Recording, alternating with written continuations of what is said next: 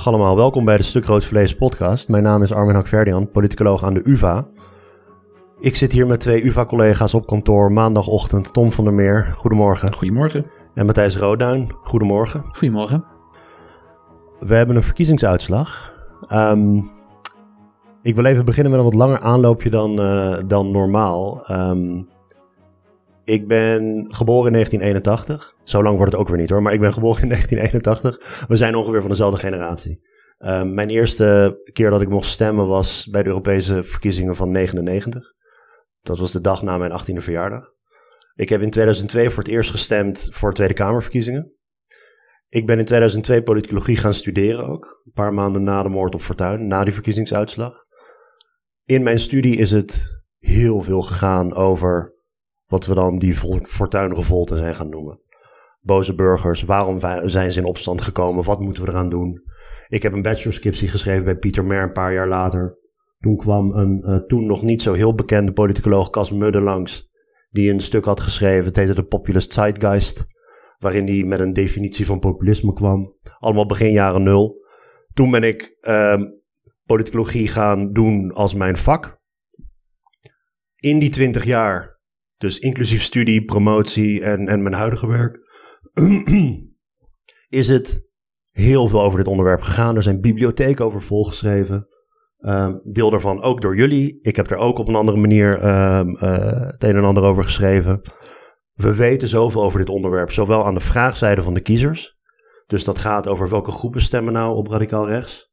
En daar zijn in de jaren 90 en 80 ook al stukken over geschreven, boeken over geschreven. Uh, Kitchell en Betts en allemaal van dat soort auteurs. Daar zijn vraagzijden uh, of aanbodzijdenverklaringen bijgekomen. Wat um, kunnen we nou leren van bijvoorbeeld partijstrategieën? Bonnie McGeet en um, uiteindelijk ook onze collega's Catherine de Vries en Sarah Tom. Je hebt zelf ook allerlei dingen geschreven over partijstrategieën. Um, ook aanbodzijde actoren als de media. Ik heb met Leonie de Jonge en met Ali Damstra heb ik een jaar of vijf geleden een podcast opgenomen over de verantwoordelijkheid van de media, framing door de media en wat dat doet met steun voor radicaal rechts. Die podcast kun je gewoon nog een keer terugluisteren nu, die is nog even relevant als toen. En op de een of andere manier lag ik daar op de bank, terwijl jullie allebei in die NOS-studio zaten, Tom voor de camera's en Matthijs achter die camera's. Ik lag op de bank een beetje te kijken en dit soort dingen speelden allemaal door mijn hoofd. Van dit is een verkiezing waarin eigenlijk Um, in ieder geval voor mij, die twintig jaar dat ik met politiek bezig ben geweest. En niet eens als burger, maar gewoon als student. En als, um, ja, als, als politicoloog komt hier alles bij elkaar. De, de vraagzijde, het electoraal potentieel. En de aanbodzijde, partijstrategieën, mediastrategieën die samen dit resultaat opleveren. En dat is in andere landen al vaker gebeurd.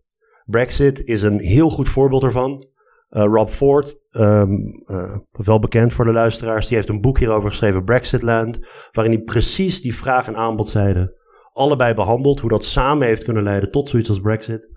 En in Nederland hebben we dit, uh, dit nu ook gehad. Dat spookte allemaal door mijn hoofd toen ik, toen ik die uitslag zag en toen ik dat aan het verwerken was.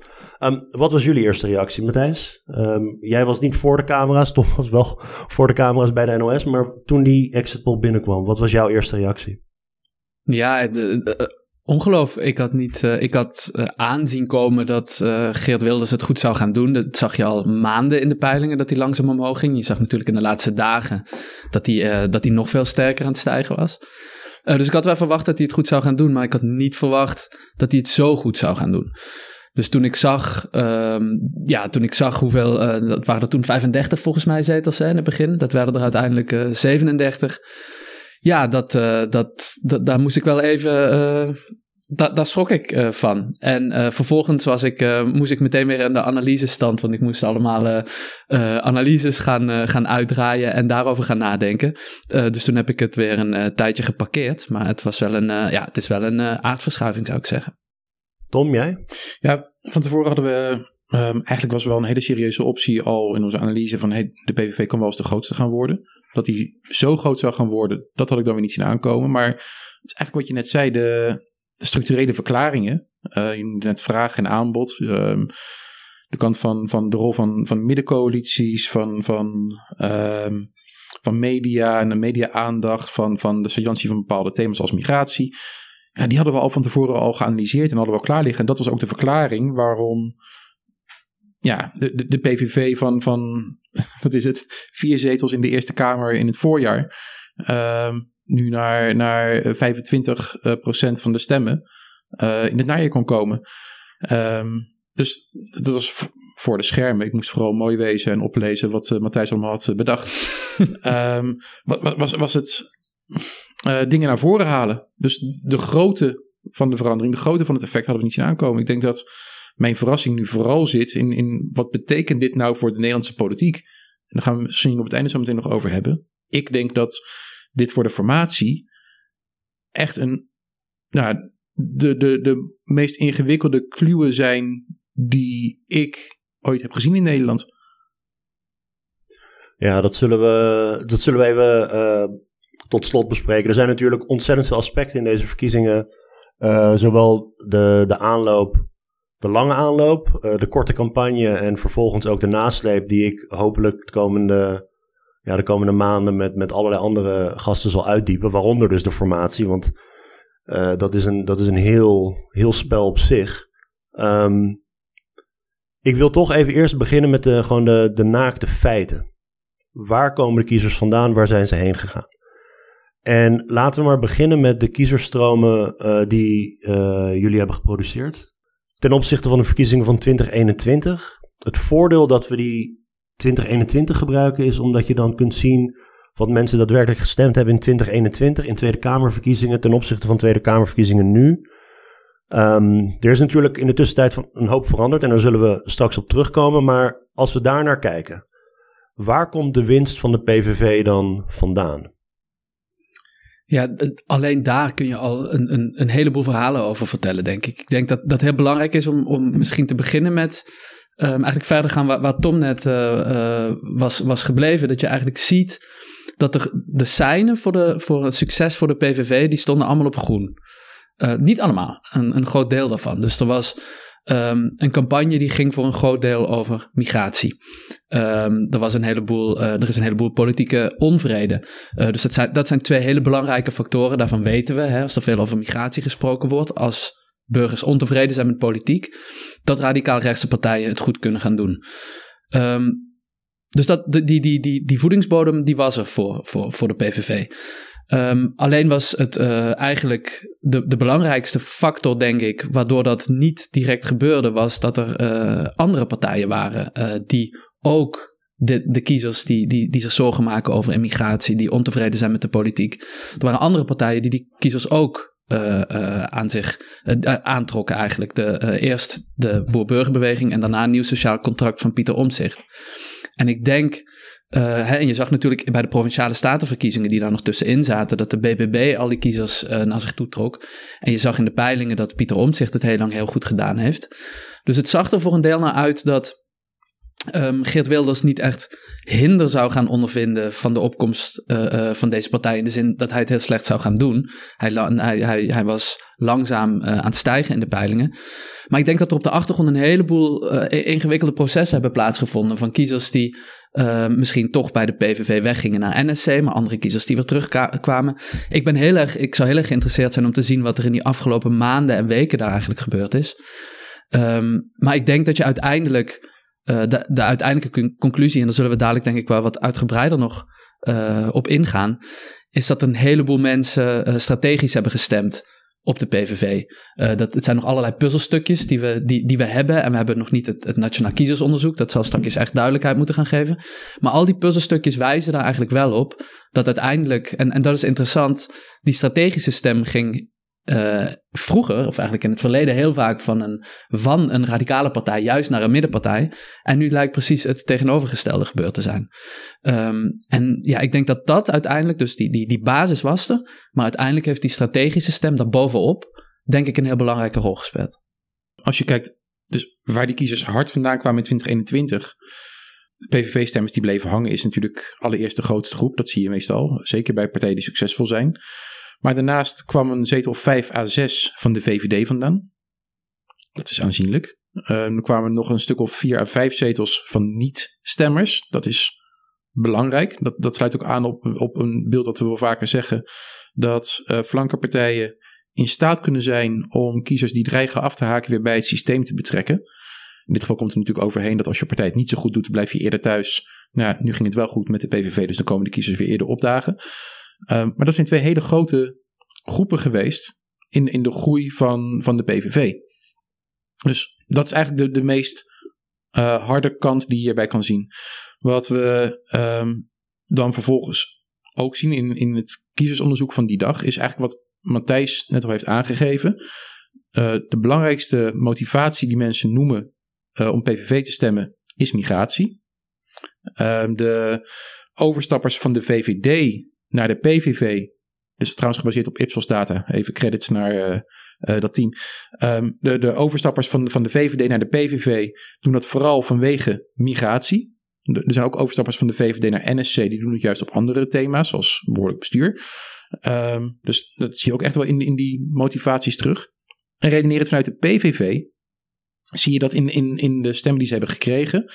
Ja, on, ja ruim een derde, bijna 40% van de, van de, de kiezers van de PVV geeft aan dat de stem op de PVV is gebaseerd ofwel op strategisch stemgedrag. Daar moeten we zo meteen misschien even wat uitgebreider op ingaan. Ja, wat dat precies betekent überhaupt. Exact. En waar het vandaan kan komen. En ten tweede, uh, of, of, niet ten tweede, maar ook een belangrijke groep die zeggen van nee, dit is echt maar op één issue gebaseerd. Niet het hele programma, één issue. En dan weten we, dat is migratie. Dus de context is een heel belangrijke factor geweest hier waarom mensen de overstap hebben gemaakt naar de PVV. Niet dat plotseling mensen van standpunt veranderd zijn. Nee, die, die opvatting van mensen rond migratie is een hele oprechte. En hun stemkeuze is ook een hele oprechte. Alleen er is dus een dynamiek geweest in die laatste paar weken dat de PVV zo kon opklimmen, waardoor ze ook aantrekkelijk werden voor kiezers die diezelfde zorgen deelden, maar dan maar besloten in dit geval toch maar strategisch te moeten gaan stemmen. Ik vond het heel interessant om te zien dat um, dit zijn inderdaad de belangrijkste stromen richting de PVV. Maar als je gaat kijken naar uh, eigenlijk de uitstromen van andere partijen, dan vond ik het ook heel interessant om te zien um, dat van het CDA uiteindelijk nog. Dat CDA was natuurlijk al, al, al, best wel klein, maar er zijn best wel wat mensen ook naar de PVV overgestapt. Dus ook vanuit die middenpartij uh, is er verkeer richting de PVV gegaan. Dat zijn CDA-stemmers in 21. In 21, ja, precies. En ook vanuit de SP. En dat vond ik ook. Uh, dus je, je, je zag dat. Ik, ik weet niet meer precies de cijfers, maar volgens mij was ongeveer 15% van de SP-stemmers rond dat percentage. Iets kleiner. Um, van de SP-stemmers in 21 die zijn naar de PVV gegaan. Um, een vergelijkbaar volgens mij was naar NSC en was naar, uh, uh, en naar uh, GroenLinks PvdA. en dat vond ik wel heel ja, opvallend om te zien dat dus ook uit die partijen ja, mensen waarschijnlijk voor een groot deel om strategische redenen, ja, uit die data blijkt dat een groot deel dat om strategische redenen deed, naar de PVV zijn overgestapt. En we weten ook natuurlijk al langer, dat, dat hebben we ook in de podcast wel besproken en op, op het blog geschreven, dat er is een groep kiezers die is economisch wat linkser maar op die culturele thema's rond migratie conservatiever, behoudender. En daar is niet één evidente partij waarop ze kunnen stemmen. En we zeggen al jaren, het hangt ervan af van de context op, bij welke partij ze uitkomen. Als migratie het dominante thema is, zoals bijvoorbeeld rond de vluchtelingencrisis in 2015, ja, dan komen ze eerder uit bij een partij die dat benadrukt, zoals de PVV. Als uh, de economie een centraal thema is, zoals het bijvoorbeeld was ten tijde van uh, de economische recessie, dan komen ze eerder uit bij een linkse partij. Zoals de SP of, of, of de PvdA, zoals in 2012. Ja, het was nu wel heel duidelijk wat het dominante thema was. Uh, dat, dat hebben met name VVD en NSC in de campagne wel, wel heel goed over het voetlicht gebracht.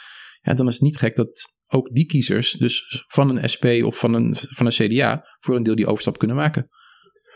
Ja, je hebt dus aan de ene kant heb je een groep uh, uh, niet-stemmers die zijn gemobiliseerd. Je hebt een groep VVD-stemmers die vanwege migratiestandpunten naar de PVV zijn getrokken. Je hebt dat de PVV andere concurrenten in dat radicaal-rechtse blok heeft leeggegeten en dat er eigenlijk nog maar heel weinig van over is. Die zijn allemaal naar de PVV gegaan.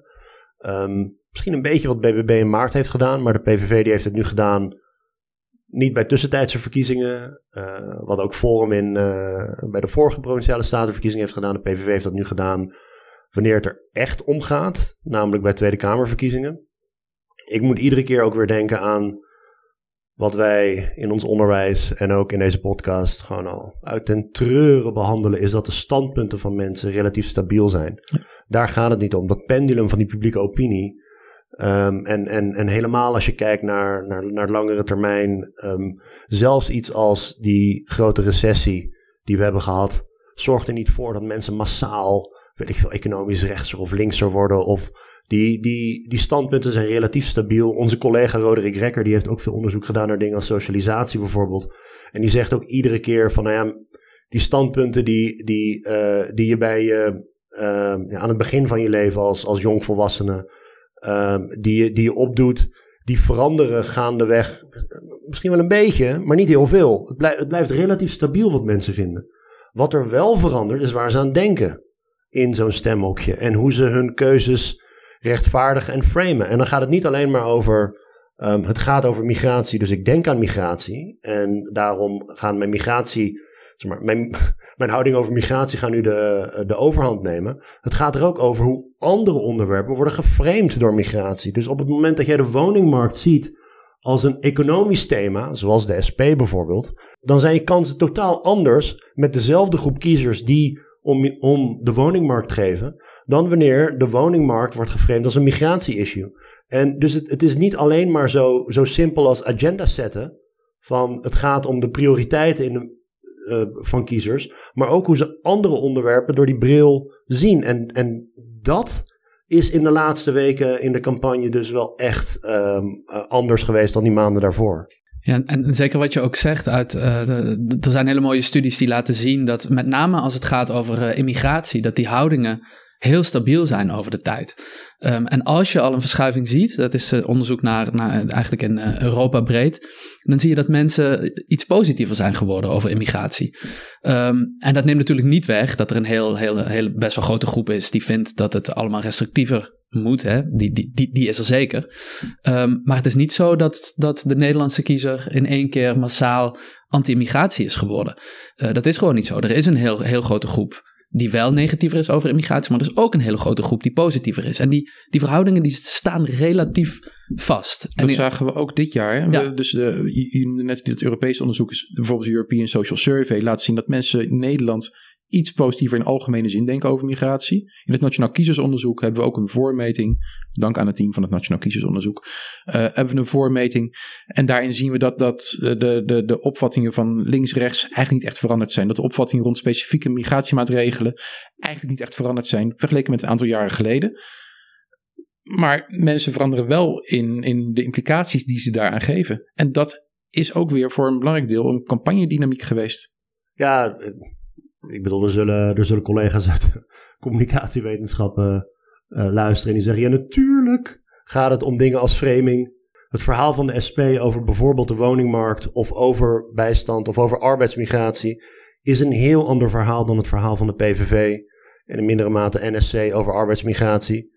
De SP zal de pijlen richten op grote bedrijven. En die zal zeggen: er zijn bedrijven die miljoenen winsten uh, boeken over de rug van arme arbeidsmigranten. Het moet de verantwoordelijk zijn, verantwoordelijkheid zijn van bedrijven om te zorgen voor um, woningbouw. Um, in het Westland bijvoorbeeld, waar um, uh, zoveel van die arbeidsmigranten komen uit uh, Polen, Bulgarije, Hongarije en zo. Uh, in plaats van dat ze allemaal in Den Haag gaan wonen en daar inderdaad druk leggen op de woningmarkt. Dat is een heel andere boodschap die je brengt. Maar als we een stapje terugzetten, dan vind ik het interessante aan uh, de dominantie van uh, het migratiethema, dat er twee dingen zijn gebeurd. Uh, ten eerste is het een probleem dat heel nadrukkelijk door de VVD en de NSC is geagendeerd. Door de VVD al met de breuk uh, van de coalitie. Daar begon het al als centrale thema. En er moesten geen waterige compromissen meer gevonden worden, juist op dit thema. En dus er werd heel nadrukkelijk ingezet op het onderwerp van migratie. Maar het onderwerp van migratie werd vervolgens ook in bredere zin besproken als een uh, thema dat niet noodzakelijk gekoppeld meer was aan de islam. En dat is in het verleden wel vaker wel het geval geweest, dat het dan over specifieke groepen ging, over Marokkanen of over uh, de islamisering van Nederland in het algemeen. Maar nu werd het juist gekoppeld aan zaken als wonen, aan zaken als onderwijs. En dat maakt het in zekere zin een onderwerp dat, dat ook meer traditioneel linkse kiezers kon overtuigen van... hé, hey, als, als we het daaraan koppelen... dan kan je juist de kiezers in die links-conservatieve hoek ook eerder meenemen. Omdat het dan niet een cultureel vraagstuk is... maar ook een economisch vraagstuk wordt geacht te zijn. En tegelijkertijd was dat voor de PVV ook een voordeel... als het op die manier over migratie gaat... en de PVV bereid is, en dat hebben ze ook echt gedaan... Uh, om het niet te veel over de islam te hebben. Ze zelf, zeiden ze dat, dat soort standpunten, dat parkeren we voorlopig. Ja, dan, dan, dan voed je ook weer de ruimte voor, voor de PVV om die kiezers uh, uh, op te halen. Ik denk dat het ook een, een misinschatting is geweest van met name de, de VVD. Want we weten ook uit verschillende kiezersonderzoeken, ook weer het Nationaal Kiezersonderzoek van dit jaar, dat um, de PVV voor de kiezers gewoon nog steeds de issue-eigenaar is van het thema migratie. Als mensen denken aan migratie, dan denken ze, oh, dan moeten we bij de PVV zijn, niet bij de VVD. De VVD had een campagne kunnen voeren op de eigen thema's. De VVD is issue-eigenaar op, op het thema van veiligheid, is eigenaar op het thema van de economie. De, de, de, de VVD-kiezers zijn ook echt onderscheidend nog steeds op thema's als uh, uh, het minimuminkomen. Uh, herverdeling, kapitaalbelasting, noem maar op. De VVD-kiezers zijn uitzonderlijk. Die hebben niet echt duidelijke alternatieve partijen waarbij ze kunnen aansluiten. Maar daar heeft de VVD geen campagne op gevoerd. Nee, ze gingen een campagne voeren op het onderwerp van ja, wat een aantal jaar geleden hun grootste rivaal was. En het nu weer is geworden. Dat agenderen van het thema migratie is denk ik een van de twee strategische fouten geweest van de VVD. Met het doel dat ze hadden voor deze verkiezingen. En ik denk, Tom, dat jouw tweede punt uh, gaat over het openzetten van de deur naar de PVV. En, um, en ik denk inderdaad dat precies die combinatie van het, ja, het, het, centraal stellen van het issue van de PVV is natuurlijk een ontzettend risico om dat te doen voor de, voor de VVD. En het tweede, dat ze de, dat ze de deur openzetten naar uh, de PVV. Dat is een, ja, dat is, ik, ik denk dat dat ook een echte, dat dat ja, een, een grote fout is geweest van, van, van de VVD. Want hierdoor um, geef je de boodschap eigenlijk af aan, aan kiezers dat de, de PVV ook echt een, een optie is als jij een rechtser beleid wil op immigratie. En, en laten we wel wezen, dat Wilders is, is hier heel goed op ingesprongen. Uh, hij heeft uh, zichzelf, nou, hij heeft eigenlijk, ten eerste heeft hij, hij heeft twee dingen gedaan. Hij heeft zijn, um, uh, hij heeft zich als matiger gepresenteerd, gematigder gepresenteerd, um, door aan te geven dat hij open staat voor samenwerking. Door, uh, um, ja, door, te, door te zeggen dat hij heel graag wil regeren, dat met hem te onderhandelen valt. Um, maar tegelijkertijd heeft hij eigenlijk helemaal niks van zijn programma teruggenomen. Hij heeft alleen gezegd dat de prioriteiten anders liggen. Hij heeft gezegd, uh, de islam die is nu, dat is nu op dit moment even niet onze prioriteit. Het gaat over migratie, het gaat over woningen. En die twee natuurlijk aan elkaar gekoppeld. Um, maar hij heeft nooit gezegd van wat er in mijn programma staat, daar, daar sta ik niet meer achter. Of dat, hè, dat, dat, dat, dat, dat, dat, dat moeten we even, even negeren. Het is gewoon nu even niet zo belangrijk. Dus wat hij gedaan heeft, is ten eerste heeft hij zich als een, uh, ja, als een wat gematigde politicus naar de ja, wat gematigde rechtse kiezer gepresenteerd. En tegelijkertijd heeft hij zijn, zijn, zijn, zijn oude klassieke uh, um, achterban van de mensen die vaak op hem stemmen ook niet van zich vervreemd. Door gewoon eigenlijk zijn standpunten intact te laten. Het verkiezingsprogramma van de PVV is even radicaal als het uh, in de voorgaande jaren bij de voorgaande verkiezingen was. Um, dus ik denk inderdaad, de, de, ik denk ook dat de VVD die twee grote fouten heeft gemaakt. Maar ook dat de PVV er heel handig op is ingesprongen. En als je dan die twee punten bij elkaar neemt, dus enerzijds uh, het, het, thema van migratie agenderen, uh, wat verschillende partijen hebben gedaan, en anderzijds vanuit de VVD de optie openzetten richting de, de VVD, dan kom je eigenlijk heel dichtbij dat, dat idee dat, dat collega Jos van Spanje wel vaak heeft genoemd, van dat is nou een risico wanneer je de, uh, en de ideeën kopieert, maar ook de, de optie openlaat, want dan word je gezien als second best.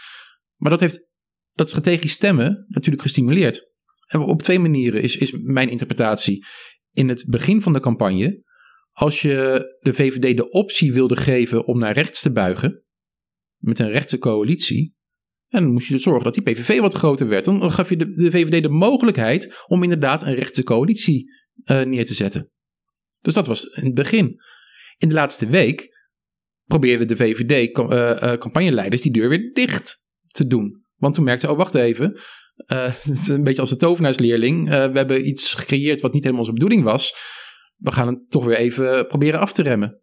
Maar op dat moment kregen we volgens mij een nieuwe optie voor een strategische stem. Namelijk, oh, als we de VVD willen dwingen om naar rechts te gaan, moeten we de PVV groter maken. Dus er zijn twee manieren waarop die campagne op verschillende fasen die strategische stem heeft gecreëerd. En ik denk ook, en hier speelt ook nog een rol, en dit is, dit is iets lastiger, hier hebben we iets minder feitelijke informatie over, denk ik nu.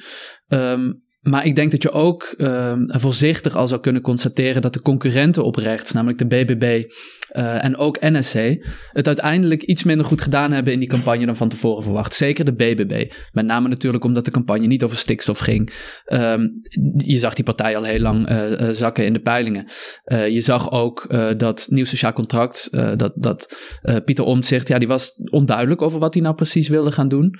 En juist door wat de VVD hier deed en het antwoord van Wilders, door ook te zeggen tegen zijn kiezers letterlijk: als je een rechtsbeleid wil, stem op mij, want ik kan daarvoor zorgen. Als je op de VVD stemt, dan weet je niet wat je krijgt. Als je op NSC stemt, dan weet je niet wat je krijgt. Um, door juist die instelling plus het niet, heel, uh, uh, uh, het niet heel sterk optreden van NSC en BBB, met name aan het eind van deze campagne, denk ik dat, ja, dat op het laatste moment heel veel kiezers uh, hebben besloten om naar Wilders te gaan. Ik vind het ook wel interessant als we even een stapje terugzetten en uitzoomen. Een half jaar geleden kregen we natuurlijk allemaal heel veel interviewverzoeken om te praten over. Uh, de populisme heeft een nieuwe vorm gekregen en de, de tegenstelling stad-platteland, dat is de nieuwe tegenstelling voor de toekomst. We zien nu, het is een uitingsvorm. De, de, de, de onvrede die er is, die is er. Um, de, de, de, steun voor nieuwe bewegingen, zeker in Nederland, is er heel duidelijk. Al, al heel lang. Dat is wat je net aangaf, het verhaal dat we al twintig jaar voeren in Nederland. Uh, Pim Fortuyn uh, was de partij uitgesprokener dan de VVD. Uh, eh, op rechts, maar wel met regeerambities. Ja, na Fortuyn kreeg je Wilders. Kreeg je Verdonk, die in de peiling even enorm piekte en daarna weer heel snel wegzakte. Daarna kreeg je weer Wilders. die ging toen um, vanuit de Kamer gedoogsteun geven aan de regering. Uh, daarna werd hij uitgesloten. Dus vervolgens zie je een reactie. Oh, dus er ruimte voor een nieuwe partij. Uitgesproken dan de VVD, maar wel met regeringsambities. Dat werd eerst Thierry Baudet en zijn Forum. Tot die zichzelf uh, onmogelijk maakte door verder te radicaliseren. Uh, vervolgens werd het de BBB. En NSC was misschien de optie. En, en uiteindelijk was het, ja, er is nog steeds een behoefte aan een partij die uitgesprokener is dan de VVD en die wil gaan besturen. En dit jaar werd duidelijk gemaakt, ja, dat kon de PVV zelf wel weer eens zijn. Want juist de thema's en de optie werd in ieder geval door een hele belangrijke mogelijke coalitiepartner, namelijk de VVD, toch wel benoemd. En die andere twee uh, soort van latere uh, concurrenten van Wilders, uh, en misschien ook, misschien ook Van der Plas, die hebben natuurlijk op een andere manier geprobeerd om die, die onvrede te uiten en te kanaliseren ook veel meer uitgesproken op, op klimaat, Baudet en dan stikstof, Van der Plas. Dat is iets waar Wilders ineens in de verdediging moest en eigenlijk totaal geen antwoord op had. Hoewel het wel dezelfde soort kiezers zijn die zich aangesproken voelen. En ik, uh, ik moet terugdenken aan wat, uh, wat we in onze voorbespreking, uh, of voorbeschouwing eigenlijk, Tom, met Sarah toen bespraken. Van wat worden nou de dominante conflicten en de dominante thema's in de, in de verkiezingscampagne. En je hebt natuurlijk een scheidslijn is niet hetzelfde als een conflict. Dus je hebt natuurlijk een scheidslijn waarbinnen bijvoorbeeld iets als migratie en klimaat bijvoorbeeld met elkaar kunnen samenhangen. Want je hebt niet zo heel veel uh, anti-migratiepartijen die pro-klimaat zijn en vice versa. En ook houdingen van kiezers hangen sterk samen erop. Dus je hebt wel een soort van diepere onderliggende dimensie liggen. Um, en Sarah zei toen heel terecht van ja, maar het maakt nogal uit of het over migratie gaat of over klimaat wilde. Um, uh, ja, wil, wil je weten of nou Wilders of Van der Plas uh, komt bovendrijven? En als het onduidelijk is, ja, dan verdelen ze die kiezer. En dan wordt geen van. Ja, dan, dan wordt het een soort. Uh, ja, wat, wat versplintering op rechts. Wat natuurlijk ook kan gebeuren. maar het was heel duidelijk dat het zwaartepunt van de prioriteiten en van de framing verschoof van klimaat, stikstof richting migratie. En ik ken bijna geen betere illustratie van dat principe. Van die, die framing en die aandacht maakt uit. En niet zozeer de standpunten van partijen. Ik weet niet of in de tussentijd. Kijk, er, er zijn natuurlijk bijvoorbeeld 7 oktober en, en de oorlog in Israël-Gaza. Zou zo'n gebeurtenis kunnen zijn waarvan je denkt: ja, dat is echt een soort van externe gebeurtenis die misschien de zaken scherp heeft gezet. Of Weet ik niet. Die, die data moeten we nog zien. Ehm, ik, ik weet niet in hoeverre uh, buitenlandse aangelegenheden nou zo'n grote rol spelen in Nederlandse Tweede Kamerverkiezingen. Um, het zou kunnen, ik bedoel een hypothese, werkhypothese zou kunnen zijn dat door dat buitenlandse conflict die culturele tegenstellingen en die migratie nog eens scherper zijn gezet. Maar dat zal op de randen misschien hebben meegespeeld. Zou nu mijn hypothese zijn. Het is, het is, het is een empirische vraag hoor. Maar tegelijkertijd heb je hem nodig als verklaring? Op dit moment niet. Want als je bedenkt dat de VVD vanaf de val van het kabinet op dit thema inzet. En waarschijnlijk al daarvoor. Uh, dat NSC van migratie een van de drie speerpunten maakte. Namelijk uitgewerkt over drie verschillende domeinen. Asiel, uh, werk uh, en onderwijs. Dus daar al vol op gingen.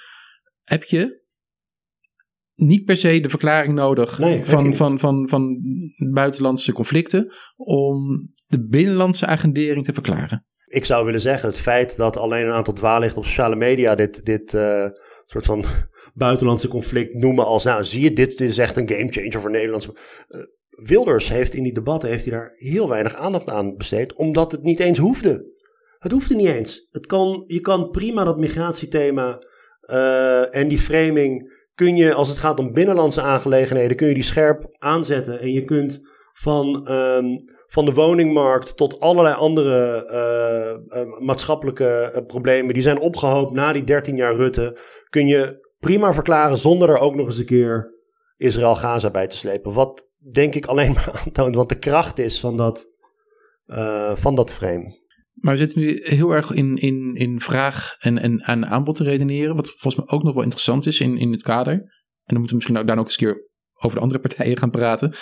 Um, maar is ook de, de, de, de, de context. En er zijn er twee dingen in die context die ik heel erg interessant vind.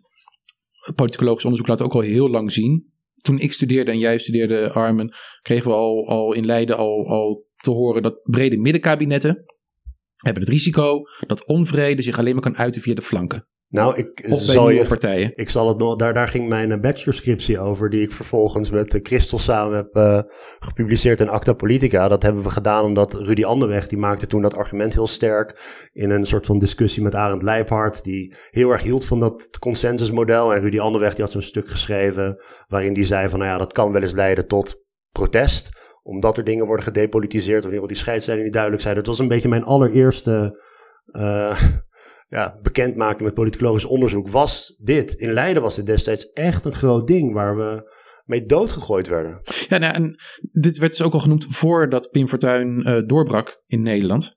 Toen al werd het gezegd, waren, dus Anderweg was er een van, dat zat er al voor, Christen Schouwer uit Vlaanderen. Dus dat was toen al bekend en dat zie je later keer op keer terugkomen. Um, en wat we nu hebben gezien, we hebben nu elf jaar middenkabinetten gehad, waarin heel veel hele grote besluiten, of het nou gaat om de economische recessie, of het gaat om stikstof, of het gaat om corona, om maar een paar van die voorbeelden te noemen, werden neergezet als van ja, noodzaak, technocratisch, gedepolitiseerd, uh, grote consensus in het midden. Uh, dat op andere grote problemen, um, eigenlijk, die werden beschouwd als uitvoeringsproblemen. Denk aan het toeslagenschandaal of het Groninger gasschandaal. Dus die grote conflicten, die kregen geen uitweg binnen dat brede politieke midden. En dan weet je, dan is er dus ruimte ontstaat er langs de flanken voor partijen die zeggen van hé, hey, of dat hele midden, dat klopt niet. Dat zie je met bijvoorbeeld de, de, PVV. Of voor partijen uh, die, die, die zich neerzetten van jullie zeggen dat er geen alternatief is. Er is wel een alternatief, zoals de BBB op stikstof deed. Of voor partijen die zeggen van ja, als alles uitvoering is, wij controleren die uitvoering. Zoals omzicht dat is één structurele context, denk ik, waarin, uh, die we hierbij wel moeten meenemen. Zeker ook als je bedenkt dat dit de meest veranderlijke verkiezingsuitslag is die we ooit hebben gehad. Veranderlijker nog dan de Fortuynrevolte van 2002. En veranderlijker dan 2017, toen de PvdA zo enorm instortte. Dus er is ook echt wel wat, wat, wat breder in die structuur gaande. Kiezers zitten nog steeds heel erg binnen blokken. Hè. We hebben net aandacht besteed aan kiezers die min of meer tussenblokken verschuiven. Maar de meeste van deze veranderingen zijn nog altijd binnen die blokken. Maar er is wel heel veel. En dat heeft echt te maken met elf jaar middenkabinetten. En begrijp me niet verkeerd. Er is niks mis met middenkabinetten af en toe. Maar als je het zo lang zo structureel doet en het midden niet in staat is om zelfs binnen een zo'n brede coalitie onderling de verschillen te blijven accentueren, ja, dan lok je je eigen nieuwe oppositie uit aan de flanken. Dan wordt dat de dominante tegenstelling. Dus dat is één context. Ik denk een tweede context die we ook wel moeten benoemen, zit toch ook echt in, in media. Um, van de opzet van debatten tot aan de aandacht voor peilingen aan toe. Dat is een brede context die ook bijdraagt aan campagnedynamieken. Namelijk, welk soort conflicten nodig je daarmee uit? Hoe meer aandacht je besteedt aan de vraag wie wordt de grootste, wie gaat de volgende premier leveren? Ja, hoe meer je dat gaat vervolgens ook gaat blijven agenderen en gaat terugzien en dan vragen voorgesteld ziet worden aan politici, hoe, hoe, meer mensen dat zullen gaan meenemen in hun, uh, uh, in hun overwegingen. Ik denk oprecht dat uh, de continue aandacht die er was van wie wordt de grootste, van de oorspronkelijke drie uh, frontrunners, ook betekende dat in het laatste weekend de, de media niet meer om de peiling van, van Maurice de Hond heen konden. En vervolgens die van INO en van Ipsos. Waarin opeens bleek dat, oh wacht even, uh, Wilders en de PVV kunnen ook misschien de grootste worden. Ze konden er niet omheen, want dit was het debat dat ze zelf, het vraagstuk dat ze zelf al, al één of twee weken lang centraal hadden gezet.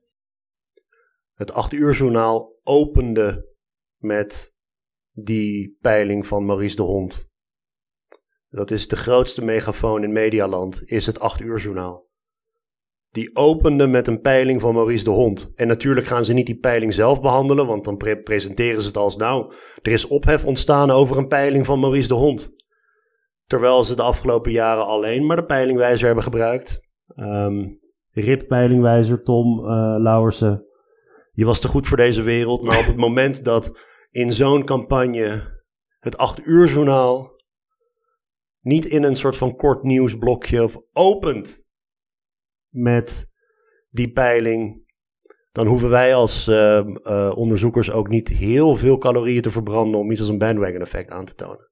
Ik bedoel, Bedankt voor deze illustratie. Uh, sorry, Matthijs, jij. Ja, nee, ik, ik, om, daar heel even terug te gaan naar die middenpartijen en da dadelijk te eindigen bij, die, uh, bij de bandwagon effect. Ik denk ook, uh, die, die middenpartijen die we dus, die, die we zo lang gehad hebben, die hebben er ook toe geleid dat er een heleboel kiezers zijn, en dat weten we ook, een hele brede basis is, voor wat ik, wat ik net ook al zei, voor een, een, een politiek die vooral op het gebied van immigratie toch een stuk rechtser is. We weten dat er heel veel kiezers zijn die dat willen. Ik bedoel, 2019 Thierry Baudet, die toen nog gematigd rechts, net iets rechtser van de VVD misschien leek. De BBB daarna, eh, NSC, die toch ook vrij restrictief uh, uh, zich opstelt op immigratie. Dus we weten dat daar een heleboel kiezers zitten die dat willen. Die ontevreden zijn met die politiek en die met name op immigratie, maar ook wel op klimaat, die een wat rechtsere, wat rechtsere politiek willen. Um, en waar ik aan moest denken in de dagen na de, na de verkiezingsuitslag was het, uh, was het concept van, uh, van overshooting van, van Kedar. Uh, wat eigenlijk zegt dat in een, een land waar, waar coalities gebruikelijk zijn, dat sommige kiezers geneigd zijn op een iets radicalere partij te stemmen dan zij zelf omdat dat ze misschien helpt om het beleid uiteindelijk hun kant op te trekken. Dus ze stemmen op een partij die, die iets radicaler is dan zelf om zo ervoor te zorgen dat hun standpunten uiteindelijk zo goed mogelijk in dat beleid uh, terechtkomen. Dat is natuurlijk een hele risicovolle strategie, want je weet nooit precies wat er gaat gebeuren uh, nadat die verkiezingen geweest zijn. Um, maar volgens mij is dit wel wat we hier ook voor een deel hebben zien gebeuren. Hè? Dus we, hebben het over die strategie gehad. Um, we hebben het over de, de, het acht uur journaal gehad. Dat opent met, uh, met uh, de peiling van Maurice de Hond. Op dat moment uh, is het heel goed mogelijk dat een heleboel kiezers... dat dat het moment was waarop een heleboel kiezers dachten... ja, nu is het misschien het moment om toch voor het origineel te gaan. Voor Wilders te gaan. Ook al ben ik het met een aantal standpunten van hem niet eens. dat is misschien wel de enige echte mogelijkheid om ervoor te zorgen dat wij een, uh, een rechtskabinet krijgen. Of ik zou het een radicaal rechts, uh, denk ik, eerder kabinet noemen. Dat de immigratie gaat beperken. En ik denk dus, ik denk daarom dat het ook heel belangrijk is dat we uh, het electoraat van Geert Wilders. Um, dat moeten vergelijken met de standaard achterban van Geert Wilders. Maar die ziet er nu echt heel anders uit, omdat hij al die andere groepen ook aan zich, aan zich heeft weten te binden. Ja, het Nationaal Kiezersonderzoek zal natuurlijk wel uitwijzen. Ik bedoel, iedere partij die groeit buiten het kernelectoraat zal uh, bredere groepen aantrekken. Dat, dat is gewoon getalsmatig zo. Dus die plaatjes van de electoraatjes, Matthijs, waar wij het over hebben gehad, um, dat gaat over het kernelectoraat. En een partij kan daar buiten groeien op het moment dat, uh, ja, dat er van die campagnedynamieken misschien gebeuren. Ik wilde toch ook um, even kijken naar hoe GroenLinks Partij van Arbeid in de campagne hebben gedaan en ook de SP. Um, om te beginnen met GroenLinks Partij van de Arbeid. Dat is een fusiepartij. Ehm Nog Tom, niet. hebben nou ja, ze, ze gaan nu één fractie vormen, denk ik. Ehm, ik ben benieuwd naar hun eigen autopsie van, eh, van deze verkiezingscampagne. Natuurlijk was er heel veel debat voorheen. Van is het nou handig om samen te gaan, strategisch om samen te gaan? Is nou de som groter of is het geheel groter dan de som van de delen? En ehm, er zijn best wel wat mensen die hebben gezegd: ja, dat zal zo zijn. Want kijk maar, op het moment dat we ze samen presenteren in een peiling, dan gaan meer mensen erop stemmen. En ehm, nou ja, eh, op dit moment is mijn indruk dat ehm, het wel meevalt daarmee. Dat op het, het zetelaantal nu is groter dan het zetelaantal in 21. Ja, maar... Maar het is niet heel veel groter dan hoe de partijen ervoor stonden. Voordat Timmermans ehm, eh, in de peilingen eh, in ieder geval eh, ervoor stond als je dat bij elkaar optelt. Precies, als je, ehm, om, om te beginnen met de, de, de peilingen van partijen die niet bestaan. Ook zo'n punt waarop je eindeloos kan blijven waarschuwen. Die meten niet wat je denkt dat ze meten. Die meten stempotentie, niet stemintentie. Omtzigt heeft ook wekenlang moeten reageren op een peiling waarop hij geloof ik op 46 zetels zou staan. Op een moment dat nog niet eens duidelijk was dat hij zou meedoen. Dus dat zijn dan mensen die dan zeggen, oh ja, in theorie zou ik zoiets wel overwegen, maar dat is iets anders dan zeggen dat je er echt op zal stemmen. En en dat geldt ook voor de PvdA GroenLinks fusiepartij. Ik vond dat eh, Maurice de Hond, dat is twee geleden of zo, misschien wel iets meer, misschien korter juist. In ieder geval, die had een hele mooie peiling op dat moment. Die zei van oké, ik ga het meten van hoe het in abstracto zit. Maar ik ga het ook meten als ik nou bijvoorbeeld zeg dat Ascher daarvan de lijsttrekker wordt. Of wanneer Klaver de van de lijsttrekker wordt. En dan zie je inderdaad dat de steun voor die fusiepartij meteen een heel stuk lager ligt. Want het maakt uit of je een, een abstracte partij op wie je al je hoop kan plaatsen. Of een wat meer concrete partij met een concrete lijsttrekker waarvan je denkt, oh, wacht even, dan gaan die keuzes zo of juist zo uitvallen. Ehm, als je kijkt naar, naar de, ehm, het verloop van de gezamenlijke score van die, eh, van die twee partijen en de uiteindelijke uitslag, dan zie je eigenlijk niet zo heel veel verschil met vlak voordat ze aankondigden dat ze samen deze campagne zouden gaan voeren. Het is heel lastig om te bepalen wat is nou een goed nulmoment hiervoor. Dat is bijna niet te doen, want ja, ze kondigden al, al twee jaar aan van hey, we gaan steeds dichter naar elkaar toe. Dus je hebt niet een goed nulmoment. Maar er zijn een paar hardere dingen die we kunnen zien. Eh, wat we zien is dat links als geheel toch weer kleiner is geworden dan het al was. Ehm, ook zeker als je D66 erbij zou tellen, wat ik niet zomaar zou doen vanuit kiezersperspectief. Maar goed, dan nog.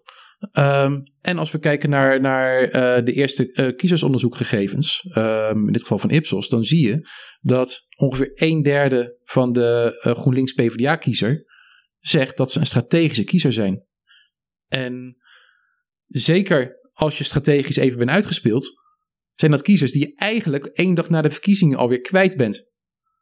Dus van de 25 zetels, als je ongeveer zegt, nou ongeveer een derde, laat het iets meer of iets minder zijn, ben je eigenlijk al kwijt. Dan heb je het helemaal niet zo stevig lekker gedaan.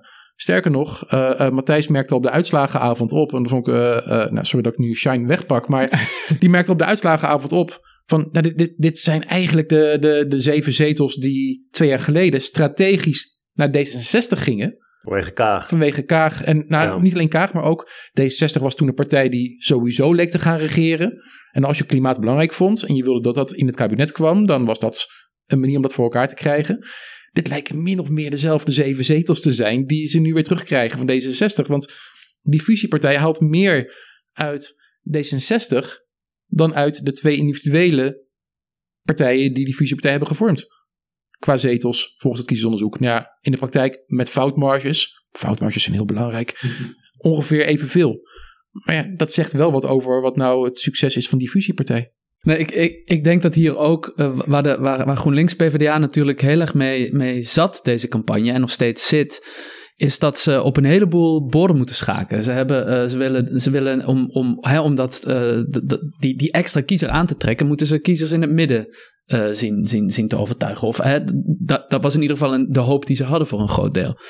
Maar ze moeten ook eh, die twee bloedgroepen die ze hebben bij elkaar houden. En we weten dat die twee heel erg sterk, eh, die twee groepen, hè, dus aan de ene kant heb je de traditionele GroenLinks-stemmer, die, die, die positiever is over immigratie, die groener klimaatbeleid voorstaat. En aan de andere kant die originele PvdA-stemmer, die dat veel minder sterk heeft, ook die kant op neigt, maar minder sterk. Die moeten bij elkaar gehouden worden. Vervolgens wil je kiezers in het midden trekken. En vervolgens leek het er ook op dat een van de strategieën van de partij was om Timmermans als een, uh, ja, als een betrouwbare uh, toekomstige premier te presenteren. Waardoor volgens mij het, um, ja, ze te weinig het conflict hebben opgezocht in deze campagne. Met name in het begin van deze campagne was het wel heel erg tam en ging het vooral over het zoeken naar overeenkomsten met bijvoorbeeld Pieter Omtzigt. En ik denk dat dat juist uh, op, hebben, het ging het telkens over dat dit de verkiezingen van de vernieuwing zouden gaan zijn. Ja, dat kiezers echt wel behoefte hadden aan iets, iets nieuws. En dat juist deze instelling um, ja, relatief weinig extra kiezers heeft weten te enthousiasmeren. Ik wil ook even ingaan op die achtergrond hè, van die Partij van de Arbeid GroenLinks kiezers. Want dat zijn wel kiezers die uh, over het algemeen meer academisch geschoold zijn en misschien in de steden leven en meer geven om bijvoorbeeld klimaat, positiever staan ten opzichte van migratie. Sociaal-economisch gezien trouwens nog steeds linkser zijn dan een gemiddelde kiezer. Um, dat is een groep kiezers die in Nederland ook fors is. Uh, en Partij voor de Dieren en Volt, we hebben het in die plaatjes erover gehad, wijken daar niet heel erg van af. Um, wat, als je het hebt over een soort van dat linkse blok, of dat links-progressieve blok, de partij die mij daarin het meest fascineert, en daar hebben we het ook over gehad, Matthijs, het is de SP. Want je kunt wel zeggen van, ja, oké, die, die groen-rode alliantie, die is, die is de roots kwijt. De, de, sorry, de, de, de working class roots is die kwijt. Of mensen die in economisch benarde positie zitten en die opeenstapeling van, van, van problemen van de Rutte-jaren, die, die, die niet meer kunnen trekken. En die zijn nu massaal richting de PVV gegaan vanwege een bepaald frame op migratie. Of, of uh, in ieder geval de PVV is best wel uh, populair in, in jullie analyses ook, Matthijs, onder, onder die groep die het ook financieel moeilijk heeft. Um, de SP zou die rol moeten, moeten vervullen in een breed linksblok. Um, op het moment dat GroenLinks en de Partij van de Arbeid geen aandacht meer besteden aan iets als klimaat, dat kan niet. Dat kan GroenLinks niet doen. En daarmee verliezen ze dan hun kiezers aan andere kapers op de kust. Maar wat mij zo uh, fascineert, ook zeker in het licht van deze verkiezingsuitslag, is waarom de SP dit niet lukt. En ik denk dat we in deze verkiezingscampagne gewoon een heel duidelijk antwoord daarop hebben gekregen. Namelijk dat de SP een verhaal verkondigt dat veel minder resonantie vindt bij een aantal politieke en economische actoren in, ook in de media, maar ook in de politiek. Het feit dat bijvoorbeeld Sandra Beckerman, die uh, een beetje dezelfde rol speelt, vind ik, als omzicht en leiden bij de toeslagenaffaire over Groningen. Nou, dat Groninger dossier, dat is een hele mooie illustratie hoe politieke en economische belangen van die gaswinning, hoe die samen kunnen smelten en vervolgens ervoor kunnen zorgen dat er burgers in de verdrukking komen te zitten. Dat is een heel klassiek politiek-economisch verhaal. Dat, um, ja, god, ik, ik heb met, bijvoorbeeld in mijn werk met Wouter Schakel, gaat het veel meer daarover. Over die, over die macht van geld in politiek. En geld in hele brede zin. Macht van kapitaal, macht van bedrijven, macht van rijke burgers. Um, dat verhaal van de SP vindt veel minder bondgenoten. Uh, bijvoorbeeld bij de Telegraaf, bijvoorbeeld bij SBS. Um, ehm, Marijnissen zit niet zo vaak daar aan tafel en wordt niet zo.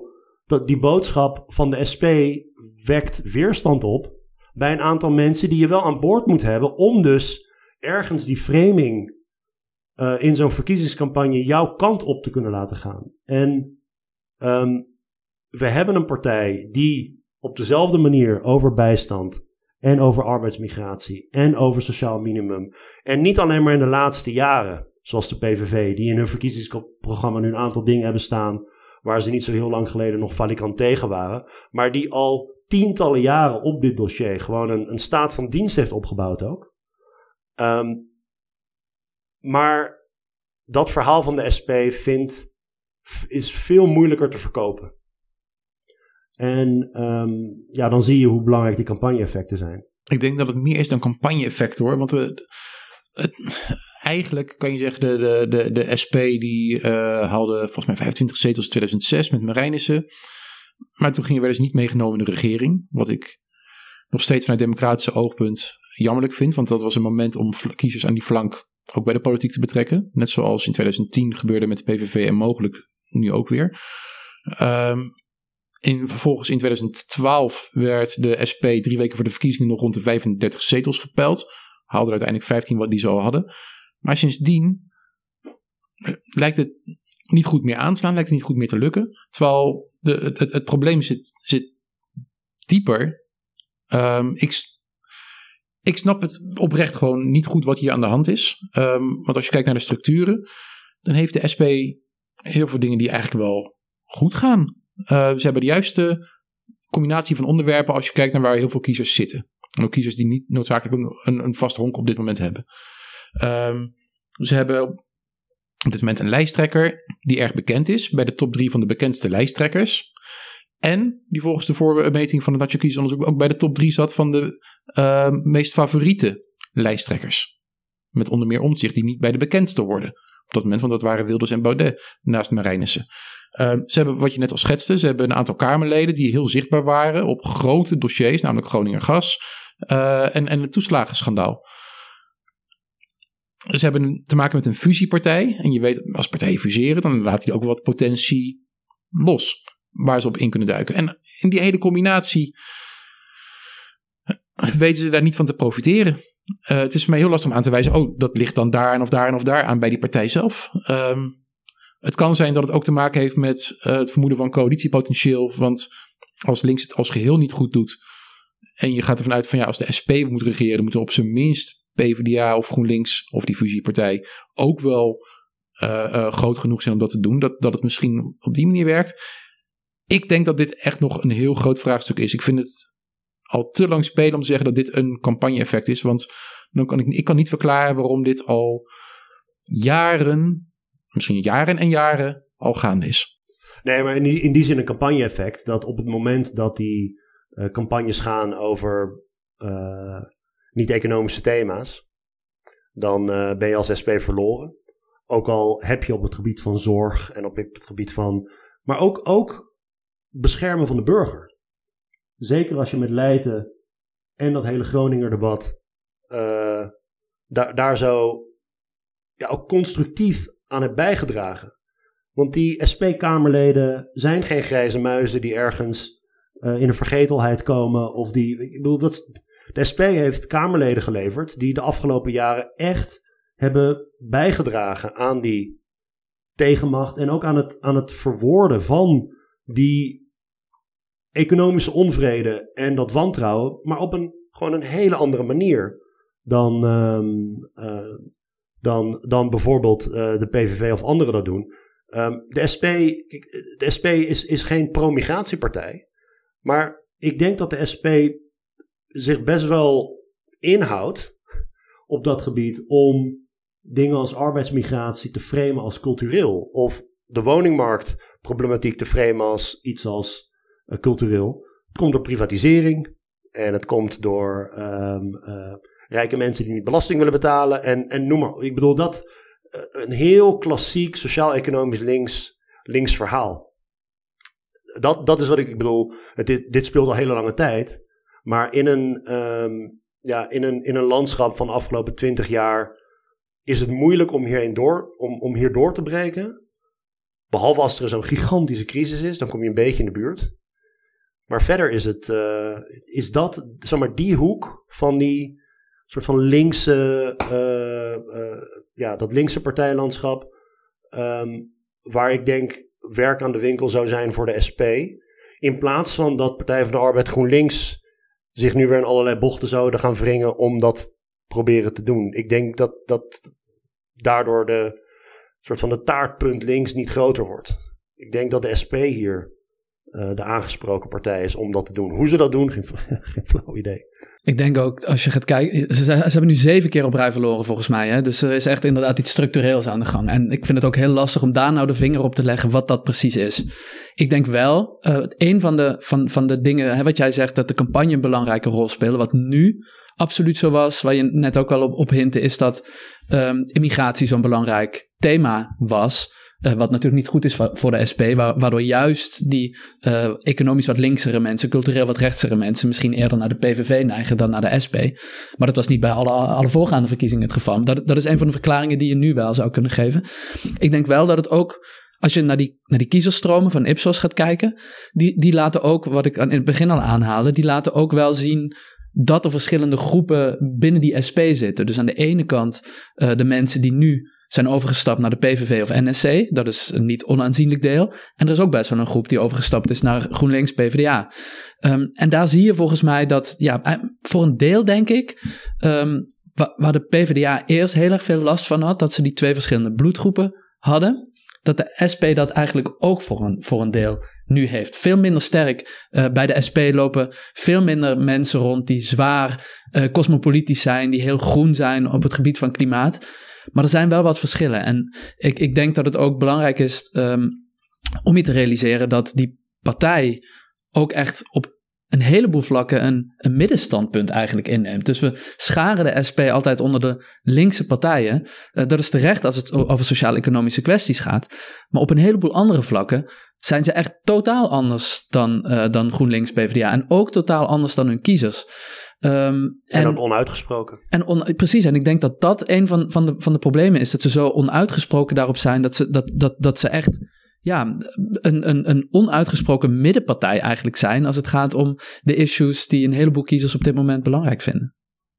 Um, even een slotwoord. Het, het, laatste woord is zeker nog niet gezegd. Maar uh, gezien de tijd. Um, Tom, ja, als je deze campagne in ogenschouw neemt. Volgens mij heb ik de vorige keer dat ik bij je was aangeschoven gezegd dat deze verkiezingen eigenlijk gingen over de, de erfenis van, van 13 jaar Rutte en 11 jaar middenkabinetten.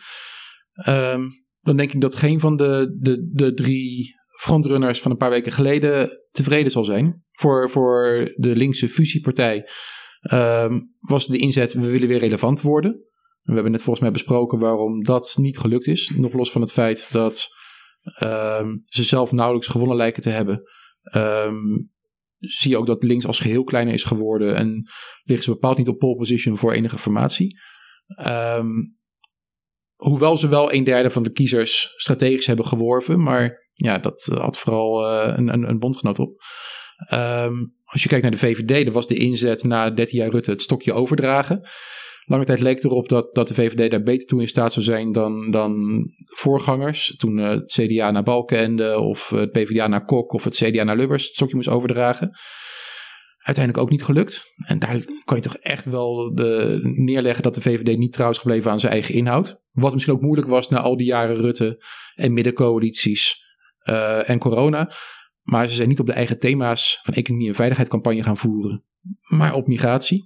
En daardoor zijn ze niet overeind gebleven.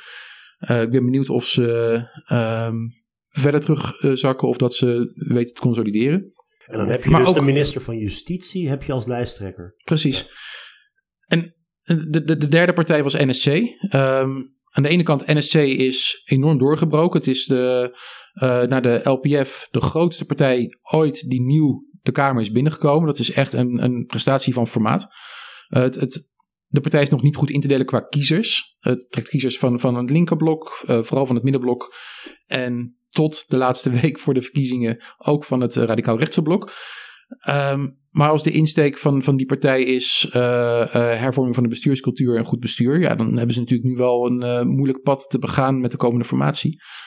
En dat denk ik ook wel wat interessant als je vooruitblikt. Wat gaat deze formatie doen?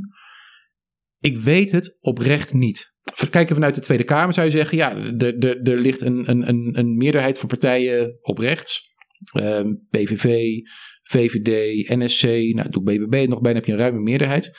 Maar zelfs die vier partijen gaan geen meerderheid halen in de Eerste Kamer. Niet eens in de buurt daarvan. Want die vier partijen, waarbij ik BBB dus al meetel, die halen daar maar 30 zetels. En dat komt omdat uh, de PVV, die heeft maar vier zetels in de Eerste Kamer. NSC bestond niet eens, die, dus die heeft er nul. Dus die komen op 30 uit. En dan wordt het wel heel lastig om daar meerderheden te vinden voor een aantal van die beleidspunten. Denk, denk maar voor, je kan misschien nog van de SGP wat meekrijgen, van uh, Forum voor Democratie, van jaar 21. Maar ook dan heb je nog steeds geen meerderheid. Dus dan zal al snel een partij als weet ik wat, het CDA mee moeten. En die hebben misschien wel even wat andere dingen aan hun hoofd op dit moment. En ook niet per se de bereidwilligheid om, om met al deze punten mee te gaan. En 50 plus? Volgens mij kom je dan ook nog niet. Nee, je, Volgens mij is 50 plus elke één zeteltje. Eén zetel. En dan heb je nog een die... onafhankelijk staten, uh, provinciaal statenlid. Dan, dan red je het. Maar dan heb je dus een, een, een coalitie uh, met gedoogpartners erbij van negen. Ja. Waarvan de VVD heeft aangegeven willen ook gedoogpartners zijn. Dus dan heb je drie partijen en, en zes gedogers om die meest krappe meerderheid te moeten halen. Ik weet oprecht niet of dat gaat lukken. Kijk, minderheidscoalities kunnen even stabiel zijn als meerderheidscoalities. Maar wat ontzettend moeilijk is in Nederland is systematisch het bestaan van de Eerste Kamer. Maar zeker nu, omdat de samenstelling van de Eerste en de Tweede Kamer zo ontzettend van elkaar afwijkt.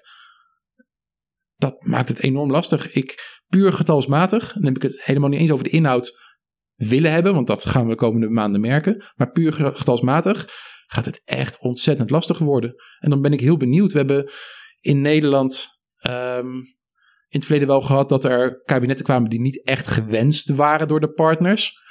Denk aan uh, uh, het kabinet van, uh, van Achten den L in 1981. Dat viel heel snel en toen kwamen de nieuwe verkiezingen. We hebben ook wel in 2002 een regering gehad, een coalitie gehad die wel gewenst was, maar ook snel uit elkaar viel. Balken en de Een kwamen de nieuwe verkiezingen.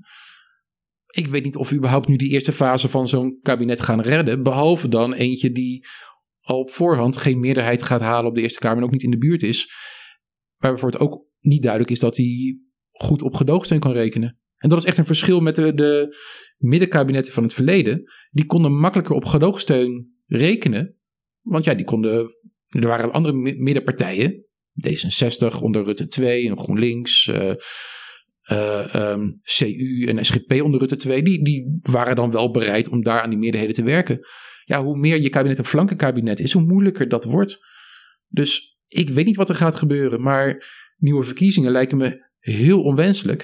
En volgens mij hebben we ook nog nooit een precedent gehad in Nederland dat je zonder een nieuwe regering meteen nieuwe verkiezingen hebt georganiseerd. Ik weet echt niet wat nu de weg voorwaarts is. Nee, dat wordt ook qua. Of we, we, we, moeten niet, denk ik, op de inhoud echt ingaan. Maar het wordt ook zo interessant, wat je ziet nu al hoe turbulent het is. Met de verkenner die is aangesteld toch weer weg is. Met de VVD die uh, heeft gezegd, we gaan, uh, we, die heeft nu in ieder geval gezegd, we gaan niet regeren. Um, maar het wordt heel interessant wat, uh, wat met name Omtzigt nu gaat doen. Iemand, een, een politicus die zich, um, die zich sterk gemaakt heeft voor de rechtsstaat. Die uh, telkens weer heeft gezegd dat het programma van Geert Wilders niet verenigbaar is met die rechtsstaat. Dus dat hij een samenwerking niet ziet zitten. Um, hij is nu eigenlijk veroordeeld tot Geert Wilders, nu de VVD zich in principe heeft teruggetrokken. Dus het wordt heel interessant om te zien wat hij gaat doen. Hij is heel erg voor een hele sterke Kamer, hè, die, die, die, de regering controleert, uh, voor, voor sterke checks en balances, iets waar Geert Wilders helemaal niet sterk voor is. Um, en, um, ja, en hij zit nu met een situatie waarin hij toch echt met, uh, met, met Geert Wilders moet gaan praten. Um, en waarbij hij, ook, uh, waarbij hij ook weet dat hij aan de ene kant Waarbij hij ook weet dat hij aan de ene kant uh, kiezers heeft die ook niet heel sterk rechtsstatelijke principes hoog in het vaandel hebben.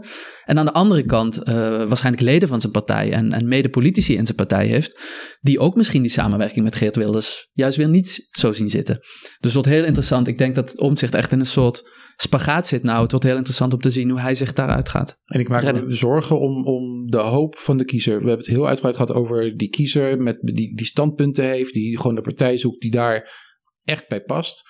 Wantrouwende kiezers die hopen op, op een, een, een weg voorwaarts, dat met hun stem hebben proberen te uiten.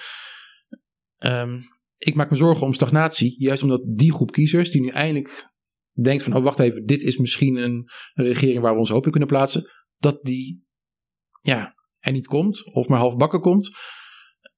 En ja, juist ook die inclusie, ook van, van ontevreden wantrouwende kiezers, blijft echt van belang in de democratie ik ben heel benieuwd hoe dit vormgegeven kan gaan worden. Ja, de, uiteindelijk op dit moment lijkt het er naar uit dat alle gevestigde partijen het initiatief leggen bij de drie ofwel nieuwkomers of outsiders. Dus het is uh, Omzicht, Van der Plas en Wilders, die moeten het gaan trekken. Uh, dat wordt een soort van motorblok, denk ik. Het, het lijkt alsof die andere partijen gezamenlijk nu ook zoiets hebben van oké, doe het maar dan. Initiatief ligt bij jullie, doe het maar.